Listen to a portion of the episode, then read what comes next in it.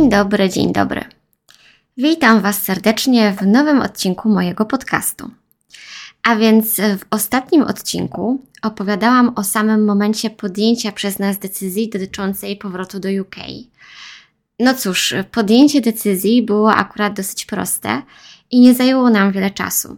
Natomiast kwestia związana z techniczną stroną naszej przeprowadzki okazała się naprawdę dużą operacją logistyczną. Przede wszystkim na samym początku myśleliśmy, że ja nie będę mogła już polecieć samolotem, będąc w tak zaawansowanej ciąży. Dlatego zaczęliśmy robić przygotowania pod naszą podróż do UK samochodem. Natomiast w międzyczasie umówiłam się jeszcze do lekarza, e, który prowadził mi całą ciążę w Polsce, żeby ostatecznie sprawdził i potwierdził, że nic nie stoi na przeszkodzie, abym mogła wybrać się w tak daleką podróż. Chciałam mieć pewność, że ciąża rozwija się prawidłowo i nie ma żadnego ryzyka przedwczesnego porodu. W czasie tej wizyty okazało się, że z maluszkiem wszystko jest w jak najlepszym porządku, natomiast lekarz zaskoczył mnie informacją na temat tego, że nie ma żadnych przeciwwskazań do tego, abym mogła lecieć samolotem. Na potwierdzenie swoich słów wystawił mi stosowne zaświadczenie dla linii lotniczych. Tak więc w ten sposób otrzymaliśmy możliwość, aby móc lecieć, a nie jechać. Z jednej strony ucieszyłam się, bo wizja tak dalekiej podróży z hiperaktywną, niespełna wówczas dwulatką była dla nas jednak trochę przerażająca. Natomiast z drugiej strony wiedziałam, że lecąc samolotem musimy ograniczyć się do spakowania jedynie do dwóch dużych walizek i jednej małej. Bo tylko tyle jesteśmy w stanie wziąć ze sobą przy założeniu, że z Warszawy do Białego Stoku będziemy musieli dostać się pociągiem, a jeszcze do tego bierzemy ze sobą wózek dla oliwki. Adam był w stanie ciągnąć dwie duże walizki, a ja miałam być odpowiedzialna tylko za oliwkę w wózku i bagaż podręczny, który sprytnie byłam w stanie wyrzucić na dno wózka. Spakowanie się jedynie do tych trzech walizek znacznie utrudniało to, że dokładnie nie wiedziałam, kiedy uda nam się sprowadzić resztę naszych rzeczy z Polski. I czy do tego czasu urodzi się nasza druga córeczka a że staram się być zawsze przygotowana na różne opcje, nawet te najgorsze. Tak więc nie dość, że spakowałam nasze ciuchy, w których aktualnie chodzimy, a więc zimowe, bo to była końcówka lutego, to jeszcze na dodatek spakowałam wyprawkę dla maluszka plus kilka naszych letnich e, rzeczy, bo optymistycznie zakładałam, że w Anglii być może już zaraz na początku kwietnia będzie bardzo ciepło. Pamiętam, że 9 kwietnia dwa lata temu, wychodząc ze szpitala z oliwką, pogoda była tak upalna, że ubrana byłam w letnią sukienkę na ramionczka i założyłam do niej sandały. Nie mam pojęcia, w jaki sposób udało nam się spakować do tych zaledwie trzech walizek, ale jakoś tego dokonaliśmy. Resztę naszych rzeczy musieliśmy spakować do kartonów, aby za jakiś czas je sprowadzić do UK. Zaledwie niespełna półtorej roku temu pakowaliśmy się do tych samych kartonów, gdy przeprowadzaliśmy się do Polski. Niektóre kartony stały wciąż nierozpakowane na strychu. Mając do dyspozycji miejsce na strychu, wynosiliśmy tam wszystkie rzeczy, których aktualnie nie potrzebujemy. I tym sposobem nawet nie zorientowaliśmy się, kiedy stanęła tam cała góra ubranek, z których wyrosła już oliwka, oraz równie duża sterta jej zabawek.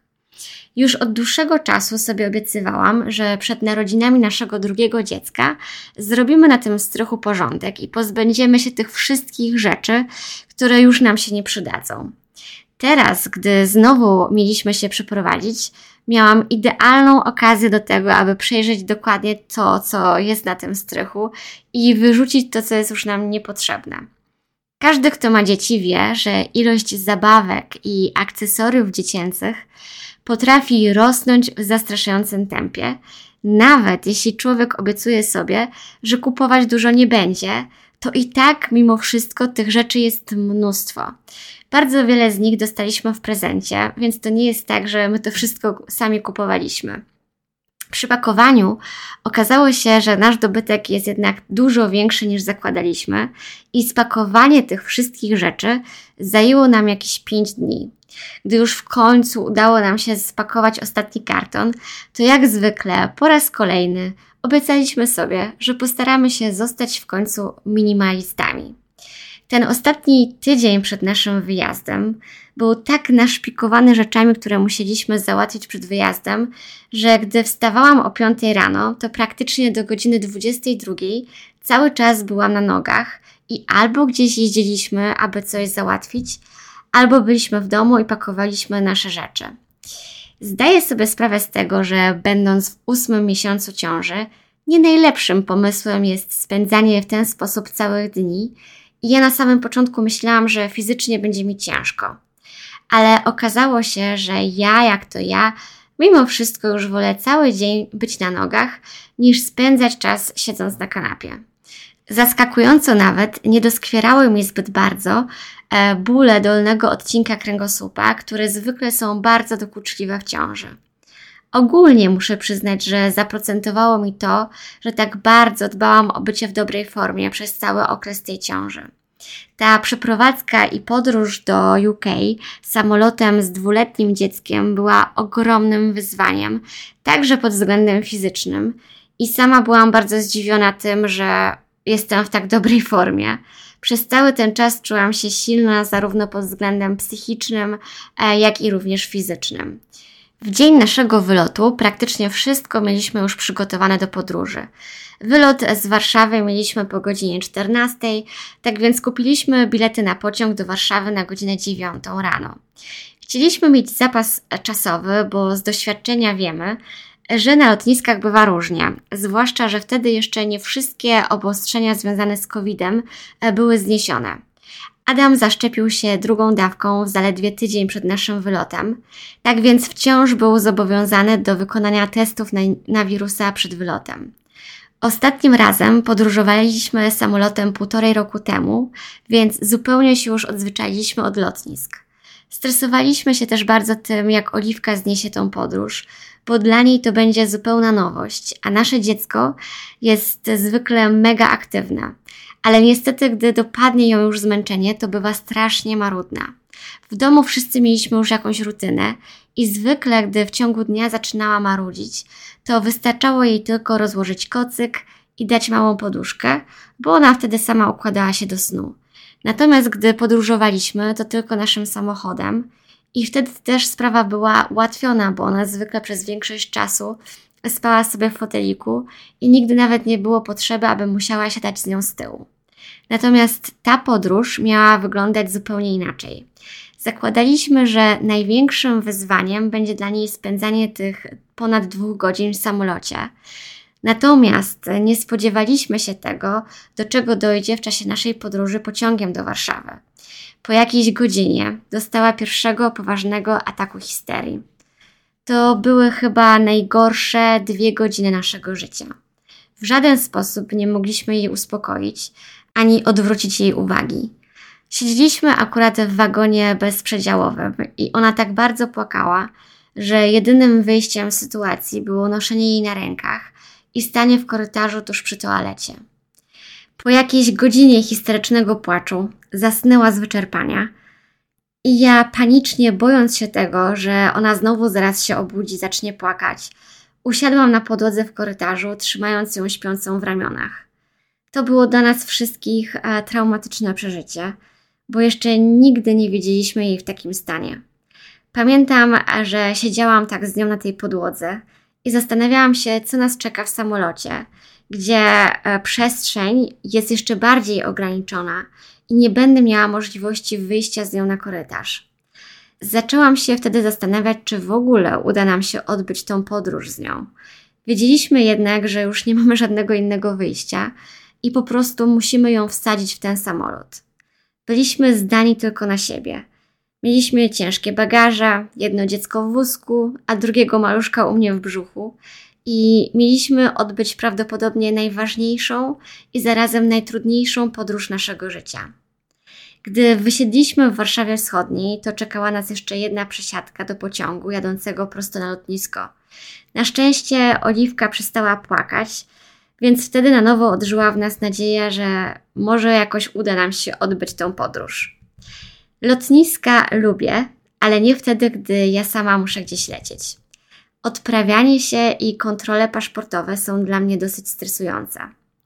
Oliwce ta nerwowa atmosfera też się chyba trochę udzieliła i z każdą minutą coraz trudniej było nam nad nią zapanować. Uspokajała się wtedy, gdy pozwalaliśmy jej pchać najmniejszą walizkę. Tak więc, gdy w końcu udało nam się już odprawić, to lekko odetchnęliśmy, ale wtedy nie mieliśmy jeszcze pojęcia, że najgorsze będzie dopiero przed nami, bo ze zdumieniem odkryliśmy ciągnącą się długą kolejkę ludzi, którzy stali do kolejnej odprawy paszportowej. Nigdy w życiu nie widziałam, aby na lotnisku były dwie odprawy, i niestety tym razem nigdzie nie było żadnych znaków dla rodzin podróżujących z dziećmi, co oznaczało, że musimy stać w tej ogromnej kolejce razem ze wszystkimi innymi, a nasza Oliwia lada moment znowu dostanie histerii. W tej sytuacji nie pozostało mi nic innego, jak tylko wypiąć swój ciążowy brzuch i na chama wciskać się do przodu kolejki. Nie lubię wykorzystywać tego, że jestem w ciąży, ale niestety w tej sytuacji za bardzo nie miałam innego wyjścia. Ludzie niezbyt chętnie nas przepuszczali, ale szczerze przyznam, że nie za bardzo się tym wszystkim przejmowałam i wcisnęłam się na sam przód.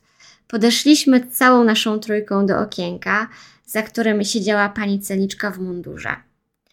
Wzięła od nas nasze paszporty i gdy spojrzała na paszport Oliwki, to spytała, kiedy ona dokładnie przyleciała do Polski.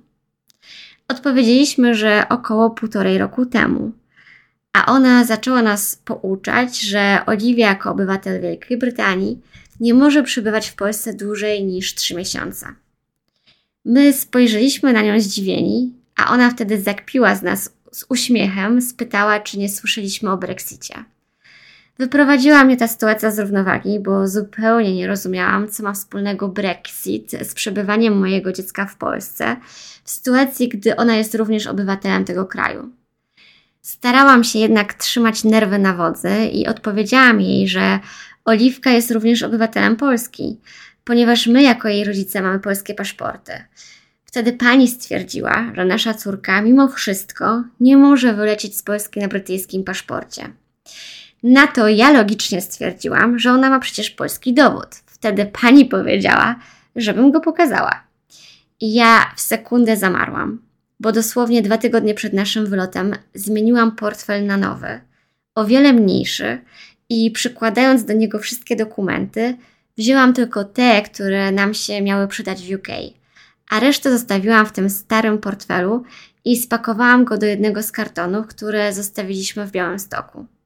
Nie pamiętałam, abym dowód oliwki uznała za potrzebny, więc w pierwszej chwili pomyślałam, że go teraz przy sobie nie mam. Wstrzymując oddech, sięgnęłam do portfela i okazało się, że jakimś cudem on tam jest. Tak więc pani celniczka mogła nas w końcu odprawić. Teraz dopiero mogliśmy spokojnie odetchnąć. Na szybko zjedliśmy coś tuż przed wylotem. Stojąc już w kolejce do wejścia na pokład, e, zauważyłam Tomasza Lisa. Gdy już zajęliśmy swoje miejsce na samym tyle samolotu, to okazało się, że leci z nami również wielu innych dziennikarzy, bo akurat w ten weekend w Londynie odbywało się jakieś prestiżowe coroczne wydarzenie dla dziennikarzy związanych z polityką. A jakby tego było mało, to zaraz obok nas siedziało też kilku dosyć znanych aktorów, którzy lecieli, bo w weekend grali w sztuce teatralnej, którą akurat gościnnie wystawiali dla Polonii w Londynie. Ja przez ten cały lot siedziałam praktycznie nieruchomo, i modliłam się, aby nasze dziecko nie wpadło tylko w płacz, tak jak to wcześniej zrobiła w pociągu. Na szczęście ona była tak bardzo zmęczona całą tą podróżą, że w samolocie padła i zasnęła dosyć głębokim snem. Tak więc mieliśmy niewyobrażalne szczęście. Gdy koła samolotu dotknęły już ziemi, to wreszcie poczuliśmy, że naprawdę nam się udało i że tutaj, z dala od konfliktu na Ukrainie, jesteśmy dużo bardziej bezpieczni niż w Polsce. Gdy tylko wyszliśmy z samolotu, to praktycznie każda osoba pracująca w obsłudze lotniska, która nas mijała, serdecznie uśmiechała się na widok zmęczonej oliwki, dzielnie ciągnącej walizkę większą od niej. To było tak bardzo inne od tego, do czego przywykliśmy mieszkając w Polsce. Ta zwykła serdeczność ludzi, która nas spotykała już w pierwszych minutach po wylądowaniu, niesamowicie nas wzruszała. Staraliśmy się ze wszystkich sił nie przejmować tym, jak bardzo skomplikowały się nasze plany związane z tym, gdzie w tych pierwszych dniach po przylocie zatrzymamy się. A później i tak okazało się, że to był dopiero sam początek przeróżnych komplikacji, które zaczęły mnożyć się na naszej drodze. Ale o tym opowiem Wam już w następnym odcinku. W dzisiejszym odcinku to już wszystko. Dziękuję za wysłuchanie i do usłyszenia w kolejnym.